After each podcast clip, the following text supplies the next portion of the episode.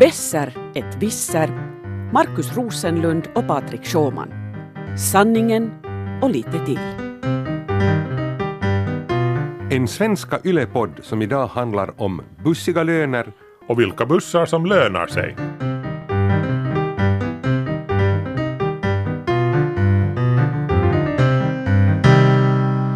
Hör du Patrik, jag hade en mardröm i natt. Ja. Jag, jag vaknade upp helt kallsvettig och, och sen kunde jag inte somna på nytt för jag, jag var så orolig för, för det, här, det här som min dröm handlade om, det vill säga jag, var, jag, var, jag, jag, blev, jag blev väldigt rädd för att jag har alldeles för hög lön. för jag, hög lön. Ja, jag, jag tjänar för mycket. Nationalekonomin mår illa på grund av att jag och, och andra som jag tjän, har, vi, vi tjänar för mycket, det, det är inte hållbart. Eh, Det, du är en unik människa, Markus. Jag tänkte säga att jag hade en mardröm att jag hade för låg lön. Du ska bli en god munk på medeltiden. Ja, jag, är, jag är så samvetsgrann och Ja, jag, jag, jag, inte. avstått från alla dina egendomar och givit allt till kyrkan.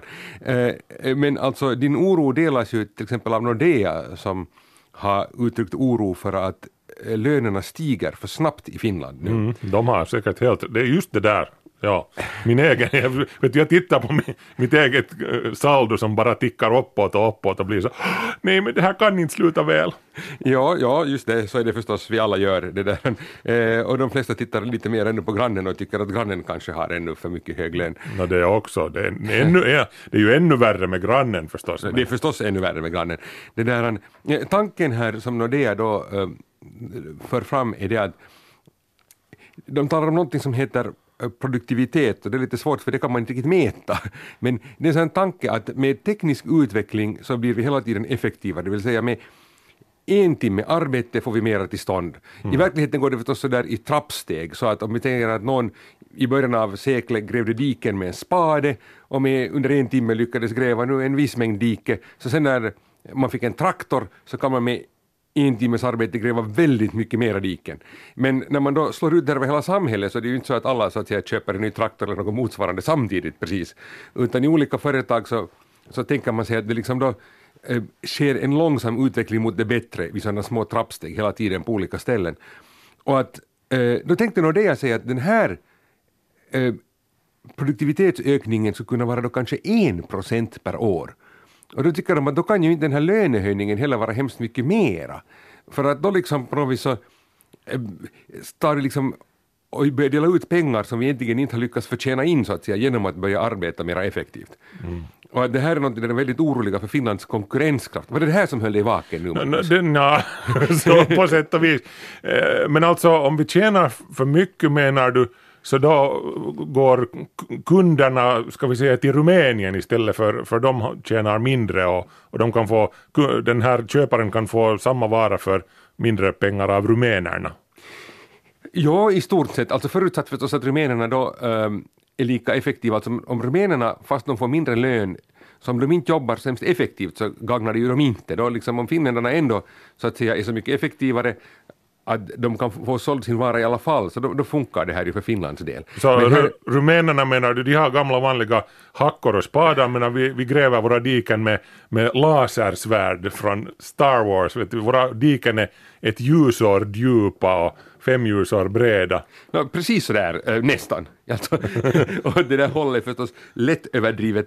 Det där, eh, i alla fall så, så är, har Nordea gått och tittat på det här att de säger att, att Finland höjde ju lönerna ganska mycket före recessionen och nu har vi då haft en lång tid av låga löner och nu borde vi inte liksom genast börja höja före vi vet att det faktiskt håller. För problemet här är det att nu när det är högkonjunktur, det ser ut att gå jättebra för Finland och då säger man att nu har vi råd att höja de här lönerna. Men när det säger att det kan vi inte veta för också lite sämre uh, företag och produkter hittar köpare när marknaden bara växer och vi har en högkonjunktur. Men sen när det här tar slut så sen klarar sig bara de bästa och då kan det plötsligt avslöjas att man inte var i så bra skick när det gäller konkurrenskraften som det var tänkt.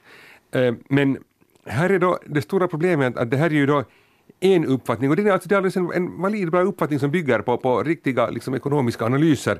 Men samtidigt har jag också äh, ringt till Seija Ilmakunnas som är direktör för Löntagarnas forskningsinstitut.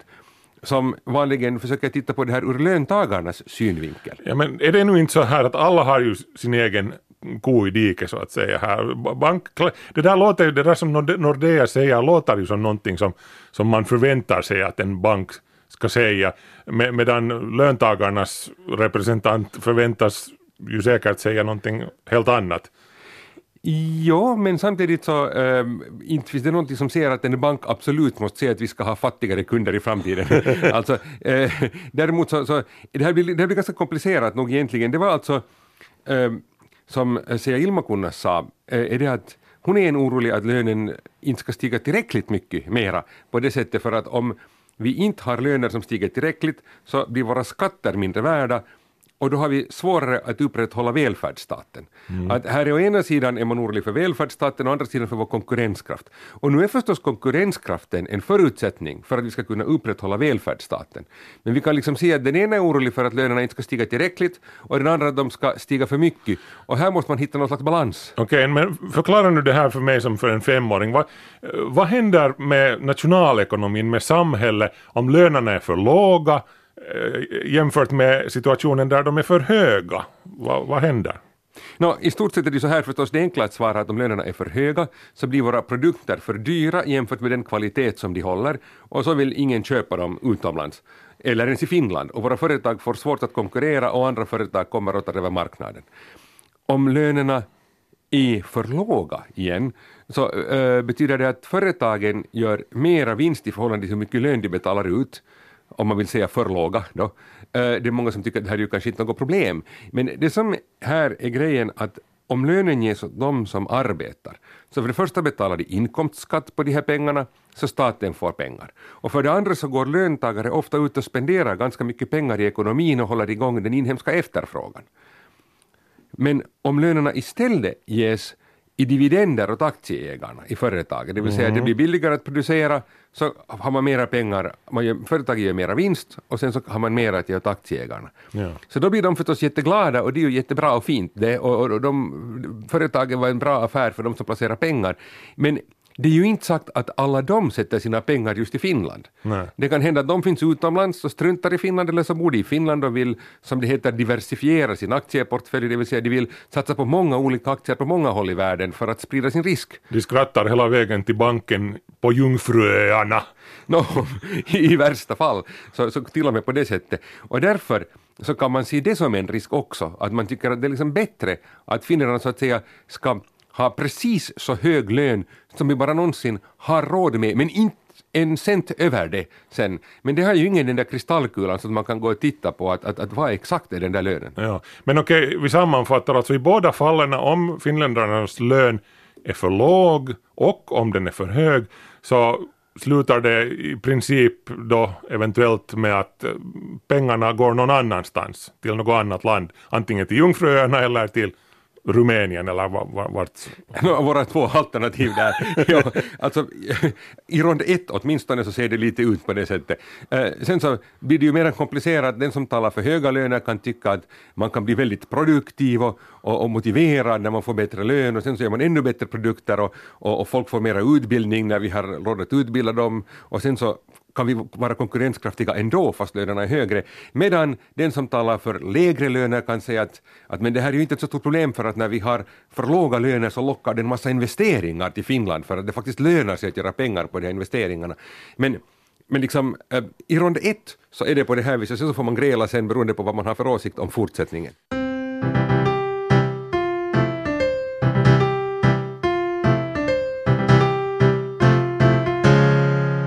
Från bussiga löner till bussar som lönar sig. Eh, det där, när man tänker på bussar så, så tänker man ju diesel, vet du, den där manliga doften av diesel avgaser och diesel. Det är ju därför jag tar buss överhuvudtaget. Det, det är ju det.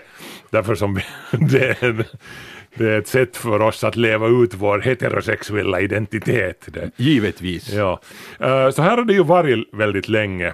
Med den följden att till exempel en och en halv miljon kineser dör varje år på grund av lortluft, för de kinesiska städernas luft är ju som ärtsoppa, vet du, man kan skära i den med kniv och gaffel. Ett, ett minus för manlighet där. Ja.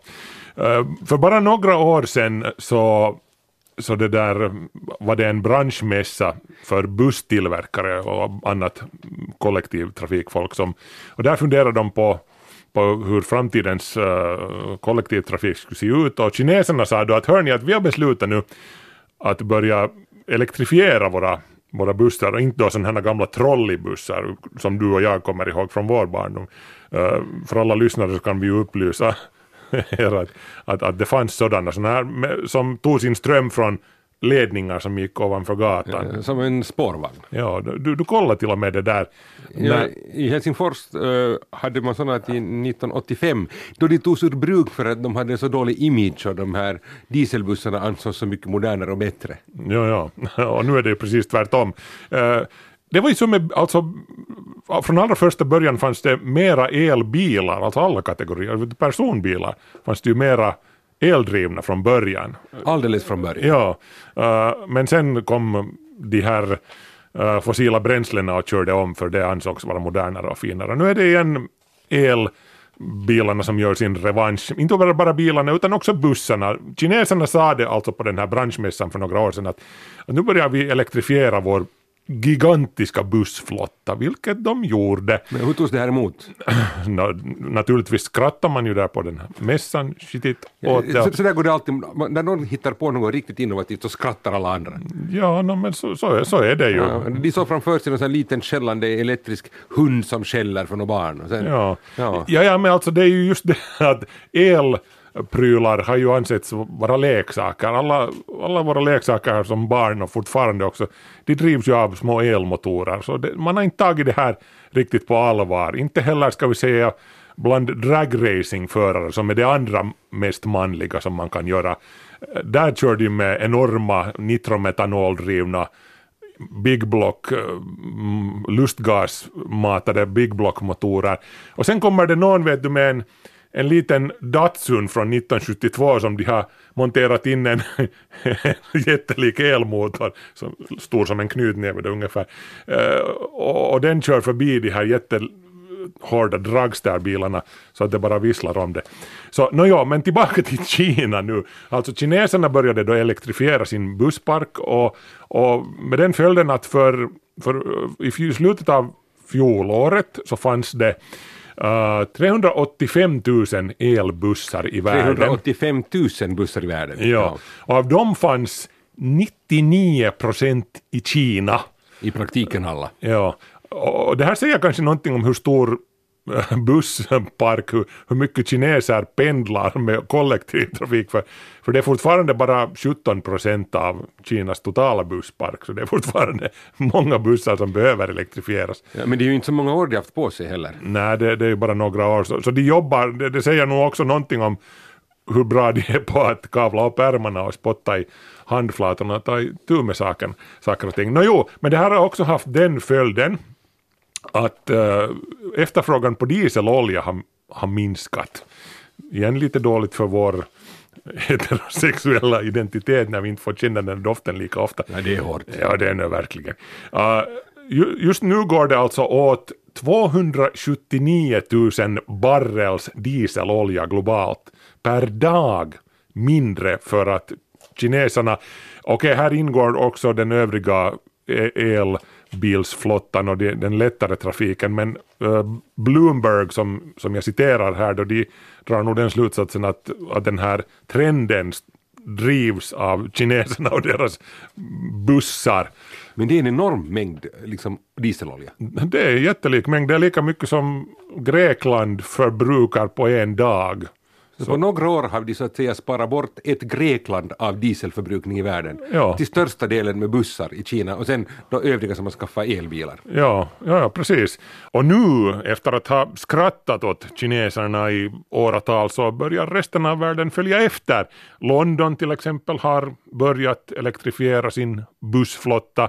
Apropå London, det här säger också någonting om takten som kineserna har, har med den här reformen var femte vecka inför de uh, någonting i stil med 9500 nya elbussar. Var femte vecka kommer det 9500 elbussar till, batteridrivna elbussar. Det här motsvarar hela Londons nuvarande busspark. Var femte vecka kommer det här. Alltså är det här i Kina eller i London som det kommer så här mycket bussar? I Kina. I Kina, ett London, ja i månaden. Ja, så det, det är nog huisiga siffror.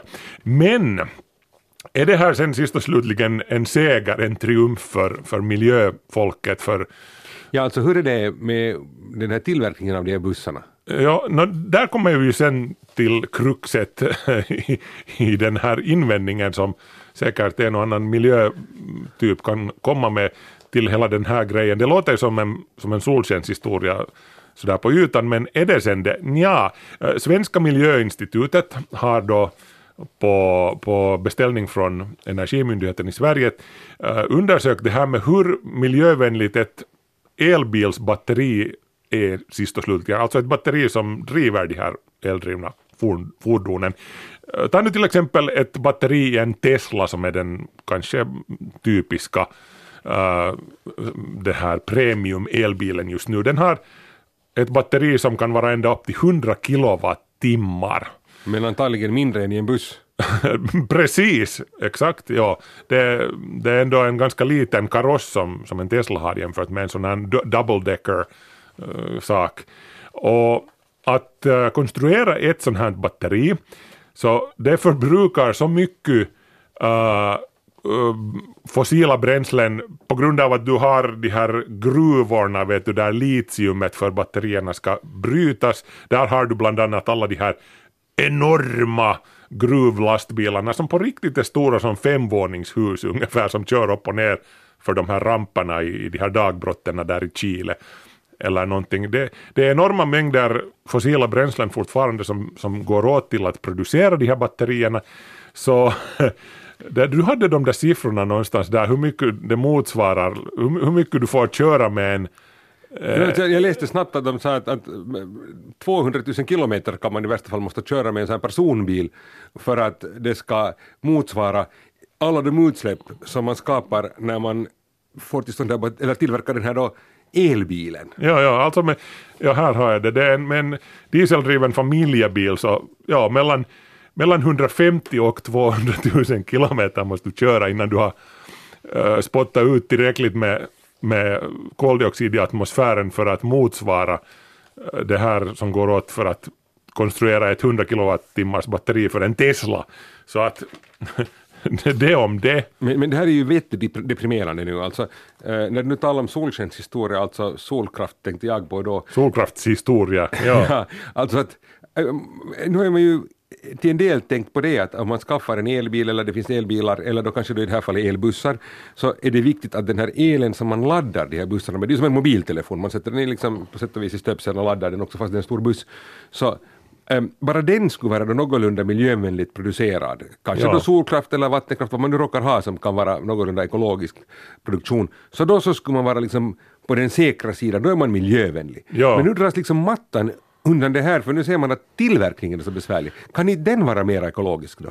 Det är klart den kan och den kommer säkert att bli det och batterityperna kommer att bli mer ekologiska. De här litium-jonbatterierna som vi kör med nu så de, de håller redan på att ersättas med bättre alternativ. Det, det sker hela tiden en förändring på den här fronten, en förbättring men just nu är det ju ganska dåligt, det här kan man ju säga. Eh, I och för sig, det, det räddar ju fortfarande nog storstädernas lortiga luft, vet du, Shanghai, eh, Guangzhou vad de heter, så där blir det ju lättare att andas. För, för de här dieselbussarna har ju orsakat en stor sån här lokal belastning med, med, med skitluft. Men, men, men du som konsument kan alltså inverka på det här också. Du behöver inte köpa en Tesla vet du, som accelererar snabbare än en Ferrari eller någonting. De, de, de är ju superbilar fast då eldrivna superbilar. Du kan anpassa din, din elbil enligt sträckan som du verkligen behöver köra och prestandan som du verkligen behöver. Du behöver inte 100 kilowattimmar, det räcker kanske med 30 eller mindre rent av. Det här kan du som konsument påverka. Ja, det låter äh, på många sätt bra. Vi laddar, tänkte säga, vår föregående diskussion om löner här, när du börjar räkna upp sådana här bilar. Men, men äh, samtidigt alltså den här äh, billigare, enklare, lättare lilla elbilen som bara tar mig till matbutiken det är ju en risktagning. Tänk om jag menar, den blir lite äldre eller så blir det vinter eller dåligt före någonting så plötsligt så tar den mig inte ända fram det blir 300 meter från matbutiken och då är jag ju inte glad. Nej exakt och, och det där, de batterierna måste dessutom förnyas sen efter en 200 000 kilometer senast. Uh, ja, nej, det, det är nog fortfarande väldigt många olösta frågor där och jag personligen har beslutat att jag tänker inte köpa en elbil innan jag kommer ut till stugan och tillbaka med den till exempel. Den, den, minst eh, 300 kilometers räckvidd vill jag ha. Eh, mindre än så vill jag inte ha. Plus att jag också vill ha ett elbilsbatteri under bänken där bak som, som får tummen upp också av, av de som tänker mera miljöcentrerat. Så att ja, det är nog många, många frågor kvar att lösa där. Men det som nu har varit en lösning för de som har Eh, då vill vara miljövänliga och köra lite med el men ändå ha en bil som kommer över 300 kilometer har ju varit att ha sådana hybridbilar då, där man har så att säga både en, en motor för fossila bränslen och sen ett batteri. Och då har man tänkt att man köper el så mycket man kan och sen så fyller man på med då fossila bränslen resten och tror att man har fått det bästa av två världar men nu låter det mer som att, att du säger att man får det värsta av två världar. Man har liksom en förorenande bensinmotor och dessutom har man gått och skaffat ett batteri som gör att man borde köra eh, 200 000 kilometer på det innan man ens borde få starta den andra motorn. Nåjo, i princip ju nog. Det går ju energi och du skapar utsläpp genom att tillverka också hybridbilens batterier men de är så pass mycket mindre de här batterierna i en hybrid än i en supersnabb Tesla så så det är ändå en lite mindre synd. Uh, hur förhåller vi oss nu till de här då elbussarna som vi talar om i Finland? Är det, kommer du att få dem nu så att de som nu kör premium tyska bilar på din arbetsväg istället kommer att börja åka miljövänliga elbussar? Ja, no, om vi ser på hur, hur länge det tog för västmetron att bli verklighet så, så kan vi väl räkna med att, att vi har elbussar till exempel i Esbo år 2089 eller så ungefär samtidigt som, som Olkiluoto 3 kraftverket blir färdigt. Så. Jag säger den sanna optimisten. Men, men, men metron går på er i alla fall, så långt har vi kommit. Det, det kan vi vara överens om.